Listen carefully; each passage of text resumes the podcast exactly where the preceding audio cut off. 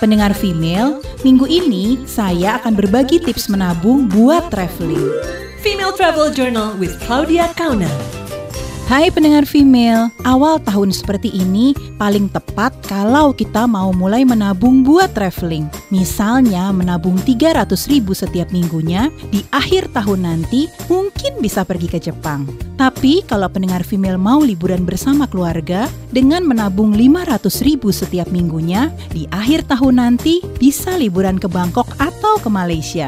Yuk pendengar female, mulai menabung untuk traveling dari sekarang supaya akhir tahun ini bisa liburan sama keluarga. Tunggu ya Female Travel Journal selanjutnya dan Anda juga bisa mendengar ulasan lengkapnya di femaleradio.co.id. Female Travel Journal with Claudia Kauna.